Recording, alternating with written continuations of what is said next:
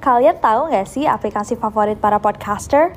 Aplikasi yang jadi kunci sukses para podcaster untuk ngerekam podcast-podcast keren mereka cuma dari smartphone, namanya Anchor. Anchor ini kalau aku bisa bilang adalah all-in-one app yang simple banget. Gak heran kalau para podcaster bilang bahwa aplikasi inilah kunci kesuksesan dari podcast-podcast mereka. Di Anchor, kalian gak cuma ngerekam suara, tapi juga bisa ngedit. Mulai dari rekaman, isi lagu, efek, dan lain-lain. Yang paling aku suka adalah karena Anchor ini super fungsional. Aku bisa langsung upload podcast aku ke Spotify atau platform lain langsung dari Anchor. Kalian bisa download Anchor di smartphone kalian langsung dari App Store, Play Store, atau dari web mereka www.anchor.fm. Trust me, Anchor is your best friend to create stunning podcasts. And you know what? It's totally free. Hey guys, it's Nancy. And welcome back to Nero. To Nero. To Nero. Hey guys, it's Nessie and welcome back to Neror. Believe it or not, aku sama NCC suka banget bacain cerita-cerita horor dari kalian, baik dari video, email, DM, maupun di semua sosial media aku. Dan kita constantly sharing tentang story-story itu di kantor, di studio. So dari lama aku pengen banget buat bahas cerita-cerita kalian sendiri di Neror. So kemarin di YouTube dan Instagram story aku, aku minta kalian untuk kirimin cerita-cerita personal kalian mengenai penyembahan iblis atau setan. And boy, did you guys send some scary stuff. So hari ini kita akan membahas dan melihat-lihat cerita-cerita terseram yang kalian kirimkan yang berhubungan dengan penyembahan iblis atau setan. So without any further ado, stop senyum-senyum, cause shit's about to go.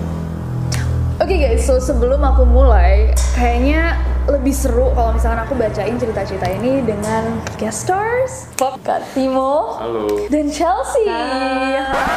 Nah, kenapa aku mengajak Kak Timo Cahyanto dan Chelsea Islan untuk nemenin aku menghibur kalian di episode Nero kali ini? Well, actually, film mereka sebelum Iblis Menjemput yang pertama itu aku suka banget. Dan ternyata nggak cuma aku, ada 1,1 juta orang pencinta horor yang juga mengapresiasi karyanya Kak Timo ini. Nggak cuma di Indonesia, ternyata di luar negeri, film ini juga sukses go international dengan nama May the Devil Take You dan sempat tayang di festival-festival dunia seperti Trench Festival, US Fantastic, Sitges Film Festival, dan BFI London Film Festival. Bahkan Katimo sebagai sutradaranya juga dapat banyak banget pujian dari situs-situs internasional kayak Decider.com, BloodydDisgusting.com, even kreatornya film Deadpool, Robert Liefeld. Liefeld bahkan tak segan-segan menyarankan Katimo untuk jadi sutradaranya Deadpool 3. Nah, kebetulan banget sebentar lagi akan rilis sebelum Iblis Menjemput ayat 2. Jadi sembari mereka lagi press tour mempromosikan film ini, aku ajak aja untuk sekalian buat neror dan menghibur kalian. Dan ternyata mereka excited banget buat menghibur kalian para neroris. So, let's do this. Wow, I'm scared. Katimo ini responsible for some of the most legendary horror movies di Indonesia. Rumah Darah, Killers, Sebelum Iblis Menjemput, Belum Iblis menjemput, belum Iblis menjemput dua, udah deh. and ada Chelsea. Why are you here? Because I'm Alfie. Oh, you're Alfie. Sim 1 sampai sekarang. But you survived the first one. survive. Oh belum mati ya? Uh, so kita bakal baca ini cerita-cerita horor dari kalian. Who wants to read the first one? Okay, Chelsea, Okay. you go first. Dari Ed Dipo Pao 3. Hmm. Ingat dulu pernah temenku cerita di tempat dia kerja di salah satu perkebunan gitu. Bosnya itu jika sudah pakai baju serba putih dari ujung kaki sampai ujung kepala untuk keliling kebunnya. Pasti nggak lama ada aja karyawan dia yang sakit keras tanpa dia tahu penyebabnya apa. Nanti lalu dipulangkan ke kampungnya. Lalu Oh. sampai itu aja tahu dong endingnya kayak gimana. Oh, tahu Jadi, endingnya aja. Berarti kayak tiba-tiba uh, karyawannya ada yang sakit keras, terus dipulangin ke kampungnya mungkin meninggal gitu kali. Hmm, terus gitu seremnya di Dia pakai baju serba putih dari ujung kaki, dari Kelilingin sepatu, kebunnya. sampai kepala topinya dia untuk keliling kebun. Terus tiba-tiba ada yang sakit. jadi semacam seserahan gitu ya. Mungkin kayak pocong. tumbal deh kayaknya. Oh. Bukan dia jadi pocong, Oke, dia jadi pocong. pengertiannya beda juga ya gue. Beda generasi. Next. You wanna read the Oke, next one? saya coba cari yang paling serem ya. Oke kak, aku mau cerita dikit. Di daerahku ada yang namanya nyari duit tapi nyembah ke makhluk halus. Bisa dikatain masuk akal karena sekeluarga nggak ada yang kerja sama sekali. Tapi mereka bisa bangun rumah, bisa beli rumah. Aneh kan? Terus ada yang bilang setiap malam banyak kamu yang datang ke rumah tersebut. Katanya mereka ngadain ritual kayak minum darah, makan daging mentah. Mereka menyediakan ruangan khusus buat ritual. Percaya atau enggak ini emang nyata, tapi nggak aneh lagi. Bukan satu keluarga, tapi hampir satu wilayah gitu. Menurut Kak Nessie percaya atau enggak sih kalau ada yang kayak gitu? Menurut kakak? Menurut gue kalau misalnya ngomongin kayak ritual-ritual gitu ya gue sendiri nggak tahu di daerah-daerah Indonesia ya. Cuman kayak recently aja gitu, ini beneran news beneran gitu ya kayak di daerah kayak Panama aja gitu kadang-kadang masih ada yang kayak ketemu jenazah kayak anak kecil gitu katanya ada tanda-tanda bekas sacrificial ritual gitu sampai itu think about. Tapi serem banget sih kalau misalkan satu wilayah makan daging mentah sama minum darah. That's disgusting. Pasti satu wilayah tuh bau banget. Gue ngeliatnya that's disgusting tapi at least it's not harming somebody right? Kalau dia cuma daging mentah sapi gitu, well, Oh, iya. you know, Kalau manusia, kalau manusia, well, Next, next one ya. Jadi aku punya kak, lebih tepatnya teman aku yang ngalamin kejadian itu. Jadi dia tinggal di desa yang dekat sama sebuah makam keramat gitu. Sepertinya itu makam seseorang yang disegani, yang sakti pada masa lalu. Kata teman aku, suatu malam dia pernah dengar kayak suara-suara seseorang merapal mantra yang bahasanya Jawa kuno, bahkan teman aku sendiri nggak tahu artinya. Dan besok paginya dia tanya ke orang sekitarnya dan mereka nggak dengar apa-apa. Tapi teman aku sangat yakin apa yang dia dengar semalam itu seperti upacara penyembahan iblis seperti di film-film. Oh, jadi dia nyembah iblisnya lewat makam seseorang keramat gitu yang Oh, dipercaya yang sakti. di masa lalunya mungkin sangat sakti gitu ya Hmm, that's scary. well, tapi kayak di film-film sih. Kayak di film-film. Betul betul kayak di film-film. Ya, mendengar tapi kalau misalnya pakai Jawa kuno gitu emang sebenarnya sampai sekarang juga masih banyak juga sih yang Iya. menggunakan segi positif. bahasa itu segi iya. positifnya mungkin ini sebuah aliran kepercayaan Iya. Jawa kuno. Jawa itu kan penuh dengan legenda dan mystical kan gitu. Dan gue selalu nganggap bahwa it's not necessarily evil gitu Iya, you know. Bisa aja juga doa kan kayak zaman dulu tuh banyak orang yang menggunakan bahasa Jawa untuk berdoa juga. benar. Kayak kalau misalkan di keraton itu setahu aku bahkan apa kereta kudanya kereta kuda ah, Hmm, itu terus- kayak setiap hari apa tuh didoain biar Hmm. nggak rusak, biar nggak ada yang benar benar merusak. benar. ini sekali lagi ya dengan itu energi katanya energi supernaturalnya itu banyak banget Iya. gitu loh that's why asosiasinya selalu angker tuh di daerah di Iya. daerah sekitar kereta kudanya itu gitu loh padahal biasanya kereta kudanya kan kosong dan Hmm. Iya. nggak ada apa-apa gitu Dan tapi kalau lo ngeliat ke dalam gitu emang hmm gue semalaman di sini mungkin nggak mau ya, gitu. Next. Ini aku baca lagi. Iya. Singkat, temen aku pernah ngajak aku ke salah satu kuburan dan dia nyuruh aku buat ngeliatin orang sama megangin senter. Dan dia menusuk tanah di sebelah batu nisan dengan menggunakan pisau. Dan kemudian dia mengencingi bagian yang dia tusuk tadi. Kemudian dia menimbun tanah yang dia gali tadi dan dia pun menghampiri aku. Dia ngancam aku katanya kalau sampai kejadian barusan ada yang tahu dia tidak akan segan-segan untuk ngebunuh aku. Dan dari sejak itu aku tidak mau dekat-dekat sama dia lagi dan Kanesi orang pertama yang aku ceritakan. Oh oh. Oh, bagus lah ditinggal teman kayak gitu serem banget. What are you lagian doing? jorok pula ngapain Jorok? Kalau menurut aku sih ini lebih ke kalau misalnya anak-anak muda banyak yang kayak semacam truth order atau kayak Nah, lagi. Oh, iseng aja dia gitu ya Iya. buat ngencingin. Tapi kenapa dia bawa don't Terus know, kenapa pakai pisau? back then when sekali lagi back then ya, kesannya kayak gue seumuran sama kalian kan tapi when when you are young we do a lot of stupid things yang Iya nggak bisa explain gitu Iya, karena gue aja kayak tiba-tiba pengen main kembang api terus pengen ngebakar pohon nah itu aja gue pernah Iya, gitu iya, jadi iya, iya. you know Wait, yeah, you know what? like I- that's why I become a filmmaker so you can destroy things in film tapi uh, Oh. setiap orang have their own weird habits kan apalagi waktu masih kecil gitu Iya. loh nggak usah waktu kecil sekarang aja juga kadang-kadang orang punya weird habits Tapi emang mungkin sih itu ritual juga. Mungkin dia Bisa. dengar dari orang kayak oh kalau kamu ngencingin makam siapa gitu bisa dapat uang. Next. Ini dari Deborah Tambunan. Tambunan. Halo kak, aku pernah PKL di RS. PKL tuh kayak tugas akhir ya, salah ya, atau uji praktek gitu ya. I think so. Kerja lapangan ya, kerja lapangan ya.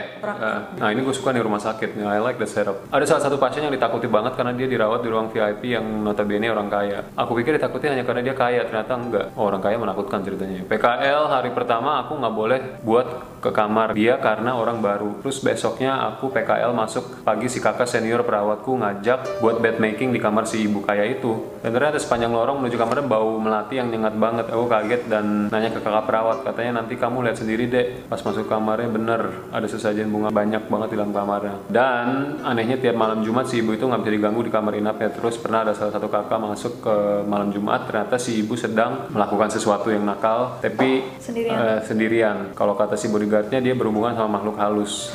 Emang kelihatan sendiri tapi bagi si ibu itu dia nggak sendiri. Dan pas dokter periksa si ibu itu datang emang bilang dia itu sakit bukan sakit penyakit tapi sakit karena dia nyembah hal yang nggak baik. Jadi setiap dirawat bau melati dan orang itu bau melati dan kemenyan Dan setiap malam memang si ibu ini selalu taruh bunga tujuh rupa di bawah kasurnya. Terus pagi-pagi kita lihat itu bunga udah berserakan di lantai. Padahal dia tidur di atas kasur ya berarti ya. Dan setiap malam pasti bau melati. Saking private-nya depan kamarnya ada bodyguardnya selalu. Terus tiap kita antar itu ibu fisioterapi, pasti kita dikasih uang tip yang sekali antar 100 ribu jemput 100 ribu lagi. Nah, Maksudnya dia cuma PKL dan dia ketemu sama Tapi you know what? Sekali lagi aku sendiri orangnya lumayan logic driven dan gue gitu pengalaman gue let's say syuting di film jadi waktu gue syuting Rumah Darah sebelumnya kan gue pernah bikin film pendeknya Darah kan. Dan film Darah itu kita emang syuting di rumah yang katanya tuh notabene orang sakti gitu loh. Oke. Dan orangnya kaya sekali gitu karena daerahnya sendiri rumahnya di daerah elit di daerah Jakarta Selatan gitu kan. Dan sometimes in this house emang kita ketemu-ketemu hal yang sedikit aneh gitu loh. Sekali lagi gue gak percaya kayak gituan, cuman kayak lu lihat di ujung kamar tertentu, padahal rumah itu udah lama gak ditinggalin tapi kayak ada bunga-bunga sesajen yang diatur sedemikian rupa, ada lukisan gitu tapi lukisannya tuh kayak aneh gitu. Misalnya ada lukisan bunga-bunga-bunga, tiba-tiba ini ada lukisan kayak orang-orang Jawa sendiri terus bunga-bunga-bunga lagi. Jadi kayak hal-hal yang susunannya tuh kayak sedikit ganjil gitu loh. Oke. Dan biasanya orang-orang yang bilang orang sakti kan punya pola desain atau pola apanya sendiri yang mereka lakukan di rumah itu kan. Kadang-kadang malahan lu masuk kamar mandi tapi di belakang kamar mandi ada kayak kamar lagi yang kosong gitu. Jadi ini kamar Oke. tidur, kamar mandi, terus gitu ada kamar kosong kecil di belakang kamar mandi. What is this room for? Gitu Iya, lo nggak iya. tahu kan gitu. Oke. So you know, dia bener kali ya maksudnya rich people tend to have weird uh, Stuff. kebiasaan atau stuff gitu. Oke, Um, iya, sesajen lagi, serem banget. Eh ya guys, aku mau sedikit sharing sih seputar aplikasi keren yang aku gunain buat bikin podcast ini. Aplikasi ini tuh bisa di-download di App Store atau di Play Store, and it's totally free. Gak cuma buat ngerekam aja, Anchor juga bisa buat ngedit langsung rekaman kalian. Kita bisa langsung nambahin back sound, effects, tambah lagu, bahkan Anchor juga bisa mendistribusikan podcast kita ke berbagai platform lainnya. Kayak aku nih, biasanya aku langsung upload podcast aku ke Spotify langsung dari Anchor. Jadi di mana pun aku berada, aku bisa buat podcast aku kapan pun dan di mana pun aku mau. Karena dia super gampang, aku jadi suka banget nih sama Anchor ini. Daripada kalian kepo, mendingan kalian langsung coba aja buat podcast sendiri pakai Anchor. It's super simple and free. Next, Mau aku baca? uh, do you wanna read it? Oke. Ini dari Sarah Gani. Jadi kak waktu masih sekolah aku pernah nginep di rumah temenku karena kita nugas sampai malam banget. Abis kelar tugas kan kita nggak langsung tidur tiba-tiba temenku yang punya rumah ngajakin ngobrol di teras balkon kamarnya. Setelah 10 menitan kita ngobrol ini, aku sama dua temen yang lain ngelihat orang-orang pakai baju serba hitam sekitar 5 sampai 8 orang plus semacam tudung sambil bawa nampan yang di atasnya lilin. Keadaannya waktu itu udah tengah malam banget dan gak ada orang di luar selain kita bertiga. Dan orang-orang aneh itu yang anehnya lagi mereka jalan mondar-mandir berbaris gitu di depan rumah yang gak kepake lagi dan jarak dari rumah temanku sama rumah kosong itu sekitar lima rumah. Karena di lantai dua kita masih bisa ngeliat sebelum mereka masuk si orang-orang ini ngebentuk kayak formasi lingkaran yang gak kita ngertiin maksudnya apa sambil mereka melambai-melambaikan tangan ke arah atas dan setelah mereka masuk ke dalam rumah itu kita nggak tahu lagi apa yang mereka lakuin. Yang pasti sih kak ini pengalaman aneh dan menyeramkan yang pernah aku alamin sama teman-temanku. Wow, Ada kayak semacam cult gitu ya? Iya, kayak it, gitu. jatuhnya kayak kayak cult ya, kayak KKK tapi tudungnya hitam. KKK ngeri sih kalau kayak gitu-gituan kadang-kadang justru kenapa menurut gua orang-orang cult lebih menakutkan daripada hal-hal gaib adalah karena cult itu really eh, for sure exist kan gitu loh Iya. kayak sekarang aja di Indonesia banyak orang-orang nggak jelas gitu yang bikin-bikin cult gitu kayak misalnya gue sama Gareth pernah bikin film VHS 2 kan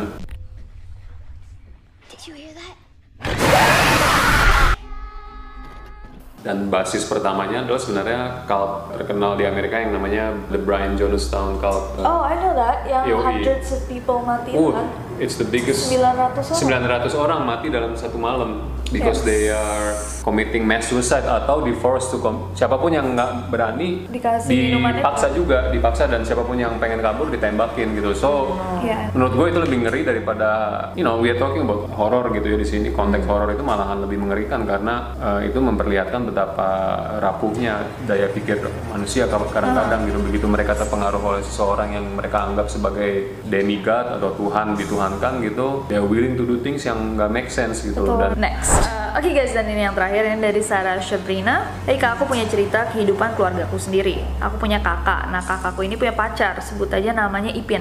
Mulai dari hal aneh, si Ipin ini setiap diajak makan keluarga dia selalu punya pantangan. Dia nggak boleh makan sate, nggak boleh makan daging sapi. Oke, itu masih masuk akal ya. Tapi ada satu hal yang buat aku dan kakakku curiga. Kalau dia ini main dukun atau punya peliharaan iblis. Waktu keluarganya si Ipin ini down dalam beberapa minggu langsung up lagi dan bener-bener up sampai bisa beli rumah di kawasan Pondok Indah. Sebelumnya rumahnya di Pamulang. Aku sama kakakku masih positif thinking karena mungkin rezeki ya. Tapi lama-kelamaan sikap dan sifatnya aneh. Dia suka beli bunga-bunga tujuh rupa setiap malam Jumat. Dia jarang banget sholat. Dulu dia rajin sholat. Terus saat dia tinggal di Pondok Indah, kakakku yang pacarnya sendiri nggak boleh main ke rumahnya. Alasannya selalu rumahnya rame. Udah banyak hal yang mengganjal kakakku. Setiap Rabu Wage dia selalu ke daerah pelosok gitu. Lagi-lagi alasannya banyak. Keluarga di sana, padahal dia itu asli Betawi kak. Dan aku bingung juga sama kakakku. Kalau kakakku sama dia, kakakku nurut banget. Ipin minta apa, pasti kakakku kasih. Tapi nanti kalau Ipin udah pulang, kakakku selalu sensitif. Entah dia marah-marah sendiri atau dia menyendiri di kamar. Besoknya aku ada kesempatan buat ikut pergi dengan kakakku dan Ipin. Aku punya ide iseng untuk ninggalin HP aku di mobilnya dia. Karena HP-nya aku matiin, jadi aku maksa kakakku untuk antar aku ke rumahnya dia. Pas sampai di rumahnya, wah itu banyak banget bunga-bunga tujuh rupa yang membentuk jalan buat seseorang. Akhirnya kakakku ketok-ketok pintu utama, nggak ada yang buka. Untung kakakku tahu ada pintu belakang lewat dapur. Pas masuk itu rumahnya serba hitam kak. Dan banyak tulisan Arab gundul. Pokoknya kayak tempat pesugihan gitu. Karena aku sensitif bisa merasakan hal-hal negatif di situ feeling aku udah gak enak banget. Pas aku agak masuk, aku ngeliat ada foto kakakku, aku dan papa mama. Ternyata selama ini dia guna-gunain kakakku. oh, is that like a palette thing or something I think so. Tapi ya sih, that's weird ya, this kind of thing. Maksudnya sekali lagi, I I like to kayak aku sih ngeliat kayak gini tuh kadang-kadang suka mikir kayak is it possible? Tapi temen gue sendiri pernah ada yang ya jadi gue ceritain sedikit kali ya. Mirip kayak gini-gini juga nih. Jadi gue makanya baca gitu ih kayak si ini gitu. Dulu temen gue tuh ada cewek dia juga kerja di, di film juga sebagai produ- eh, associate producer gitu. Nah dia ini orangnya keren banget lah maksudnya kayak tomboy dan gaul gitu. Tapi tiba-tiba one day dia pacaran sama this guy yang ya kalau kita ngomong bahasa kasarnya nggak level dia banget gitu Oh, loh. oke. ini si orang ini terus orangnya nggak necessarily friendly dan terus gue tanya sama si temen gue ini kan si cewek X ini kan. Terus gue bilang kok lu bisa suka sama dia sih? Dia hmm. penyayang anjing soalnya gue juga suka anjing. tapi orangnya ini kayak basi banget banget nih kayak lu kok tipe lu bukan tipe lu banget nih tapi kan kita kan we don't wanna kompor-komporin dia kan. Jadi kita ya diem aja gitu. Kita like oh, si ini sekarang this guy. Dan dia biasanya orang kalau katanya kena kayak gituan jadi kayak sama teman-teman yang biasanya jadi kayak nggak deket gitu jadi ba- giving distance gitu. Nah, udah dia satu tahun pacaran sama nih orang, dia kan kayak selalu kayak kira hangoutnya sama this guy terus kan. Nah, one day dia perlu pergi ke New Zealand. Nah, terus si laki-lakinya ini tiba-tiba kayak cemas banget gitu. Kayak katanya tuh kayak, eh, kamu kamu nggak usah pergi deh, gini-gini jangan pergi, jangan pergi gitu-gitu. Karena dia harus pergi untuk karena mamahnya, mamanya harus pergi ke situ juga. Tapi dia pergi anyway si temen gue yang cewek ini. Nah, pas dia terbang katanya Hilang pas terbang tiba-tiba ya kayak katanya crossing apa sih kalau Iya, kalau udah keluar dari- keluar dari dari perairan teritorinya itu. yoi, tiba-tiba dia katanya kayak dia cerita gitu kayak di pesawat tiba-tiba dia kayak "Uh," gitu kayak Kayak where have I been Ah, gitu sih? Kayak dan dia tiba-tiba balik ke ah, dunia. gua sama cowok ini langsung Oke, diputusin gila. gitu dan sekarang dia untungnya she's happily married to this New Zealand Oh. uh, guy gitu loh Dan pas banget dapetnya di New Zealand. iya di New Zealand jadi kayak gua juga shit man I don't wanna believe this stuff tapi Ternyata ada. maybe maybe they are kayak lo nggak tahu karena sometimes kan desperados gitu pakai hal-hal yang nggak jelas Iya, iya. gitu dan dan bisa kecantol gitu Iya, tapi aneh sih gue makanya gue baca baca itu kayak apalagi kalau cowok yang lumayan nggak stabil gitu dan sampai kayak foto-foto Iya. keluarga lo dipakai-pakai gitu kan Itu serem that's banget. crazy sih cuma ya interesting mungkin mungkin those things exist cuma gue so cool nggak mau tak nggak. So yeah, those are very crazy stories yang kalian kirimin buat kita. But what do you think, Katimo and Chelsea, tentang kayak penyembahan setan lah in general? Penyembahan setan itu kalau gue rasa jujur gue ngelihat orang yang nyembah setan itu bukan necessarily ketemu dengan sebuah higher power ya kalau gue bilang ya. Tapi secara histori penyembahan setan itu sebenarnya dulu ada ada sesuatu yang lebih bersifat political. kan. So sometimes Iya a form of penyembahan itu sebenarnya semacam rebellion terhadap government itu sendiri. Chelsea? Kalau menurut aku sih, kalau yang aku lihat ya penyembahan kepada setan atau iblis atau pesugihan, sebenarnya sih kalau di Indonesia aku lihat kebanyakan memang untuk harta dan juga eh, jabatan. Aku denger gitu yang emang true story juga kayak, hah kok tiba-tiba dia punya bisnis di mana-mana, Iya. kok tiba-tiba istrinya meninggal atau tiba-tiba anaknya kok jadi tumbalnya atau Iya. gimana. Nah sebenarnya sih baru mulai research juga setelah main film sebelum iblis menjemput gitu. Oke. Dan juga kan dari yang SIM 1 kan kita juga bisa lihat kayak dari yang peran ayah aku juga kan dia ngejual nyawa istrinya biar bisa dapat banyak duit dan juga kaya raya gitu-gitu. Eh, kalau misalnya kehidupan nyata ya palingan ya pelet dan guna-guna sih yang aku Iya, sering iya. denger ya. Kayak misalnya kok jadi suka sama si ini atau misalnya Jangan sampai Oh itu banget. Enggak, gila. itu itu serem sih, itu serem. Maksudnya kok tiba-tiba ya kayak tadi ceritanya Mas Timo juga sih sebenarnya kayak kurang lebih gitu sih. Tapi kayak kebanyakan stories yang aku dengar biasanya tuh mereka minta sesuatu kan. Kamu bisa mendapatkan kekayaan tapi kamu harus Exchange memberikan ya. sesuatu gitu. Dan ketika itu tidak dipenuhin, biasanya mereka tiba-tiba hidupnya nggak enak banget Yes, gitu loh. benar. Iya, itu Ah. Benar sih. So, tapi buat film Sebelum Iblis Menjemput dua ini apakah Hmm. Kak Timo kayak riset sendiri atau experience kah atau dari experience, orang I- lain? I wish my life is ex- exciting, exciting, gitu ya. punya experience kayak gitu. Cuman kalau gue sebenarnya researchnya gue malahan ke ini bukan spoiler sih, cuman gue justru lebih I'm very sort of interested, intrigue gitu sama figur-figur iblis yang udah zaman dulu banget gitu loh. Dan itu semua kan ada historinya yang sebenarnya Yes. rich gitu. It goes not just a matter of good and bad gitu loh, tapi juga tradition, old religions gitu-gitu. Jadi banyak penafsirannya gitu loh. Dan kita harus lihat zaman itu tuh what considered as good and bad tuh beda dengan apa yang considered good and bad sekarang gitu. Yeah. We have to see bahwa back then people have different uh, state of mind, ya interpreta- Yeah. interpretasi yang beda. Dan gue dari sebelum iblis menjemput tuh juga mengambil unsur sebuah demon yang udah jambul banget gitu loh. Jadi sesuatu yang antara campuran Babilonia dan segala macamnya gitu. That's amazing. Tanya nih sama Chelsea, kayaknya I have to ask everyone that is in the movie. Did you Yeah. feel anything kayak adakah experience aneh ketika syuting? Jujur sebenarnya kalau lagi di lokasi syuting tuh nggak ada kejadian mistis Oke. atau yang horor hantu setan atau gimana. Karena kalau di lokasi syuting kan krunya ada berapa ratus orang, Yes, terus course. hampir 200 orang lah ya. Iya. Tapi maksud aku tuh nggak menyeramkan karena Oke. di setiap sudut Malah entah kebanyakan orang kadang-kadang ya. Iya, entah ada yang lagi ngedit atau Kalau ada yang ternyata lagi krunya cuma 60 orang, sisanya Chelsea lihat sendiri. Sisanya Chelsea. mungkin mungkin bisa aja. Kok rame ya ternyata? Ternyata Wah. nggak ada. Tapi ya intinya sih nggak nggak Keren serem. ide film tuh. Iya, iya. Jadi nggak nggak kepikiran. Ya udah, scene 3, kru jadi-jadian. Ceritanya actress ini interact with a Acting, lot of ah, people. tapi pas dia selesai gitu, pas dia kayak balik, iya waktu nggak waktu nggak ada apa-apa. waktu kayak rap it's a rap terus kayak lo yang lain mana gitu Yo, iya. itu baru awal mulai film. ya? Selama ini ternyata sendiri. the house So aku nonton yang pertama, of course. Aku nonton di bioskop tadi aku juga cerita, and I really liked it. Hmm. Apa yang kita bisa expect di film kedua nih yang nggak ada di yang pertama? Eh, yang bisa kita Without spoiler. Iya, boleh. yang bisa kita expect mungkin kegilaannya lebih gila kali ini. Ekstrim. Ekstrim. Kayak dari segi Chelsea aja deh gitu ya, mumpung kita lagi ada Chelsea di sini. Mimpi buruk ini seperti tidak pernah berakhir. Gue rasa film pertama itu sebuah introduction buat Chelsea ke dunia kegilaan horor gitu ya. Iya, itu pertama kalinya Hmm. soalnya. Nah tapi di sini nih karakter Alfie tuh gue sukanya gini, gue kayak bikin karakter Alfie tuh hidupnya sengsara dan dia banyak suenya gitu. Tapi tapi dia tuh kayak seorang perempuan yang refuse to dikalahin oleh hidup yang super hancur gitu loh. Jadi dia Iya. kayak keras kepala, gue masih mau survive terus, gue masih mau Hmm. ini terus. Walaupun kerennya justru karakter Alfie ini juga nggak stabil gitu loh. Iya, Dia secara iya. mental dia udah mulai damage gitu lah bisa dibilang. Dan nanti lo akan lihat si Alfi ini menelusuri sebuah kejadian-kejadian yang bikin dia apa ya tadinya Alfi orangnya legowo dan kalem sekarang udah kayak meledak-ledak. Ah, lu jangan macem-macem lah sama gue gitu. Maksudnya gue bangga lah sama dia kan bisa bisa melakukan hal-hal yang itu gitu. Lu masih kecil gini gitu So, I cannot wait to watch this movie. Thank you so much udah Terima nemenin kasih ya. aku uh, menghibur para neroris. terima kasih. Neroris Terima kasih Neroris. Jangan lupa nonton film Sebelum Iblis Menjemput tanggal 27 Februari di seluruh bioskop. keren Se-Indonesia. oke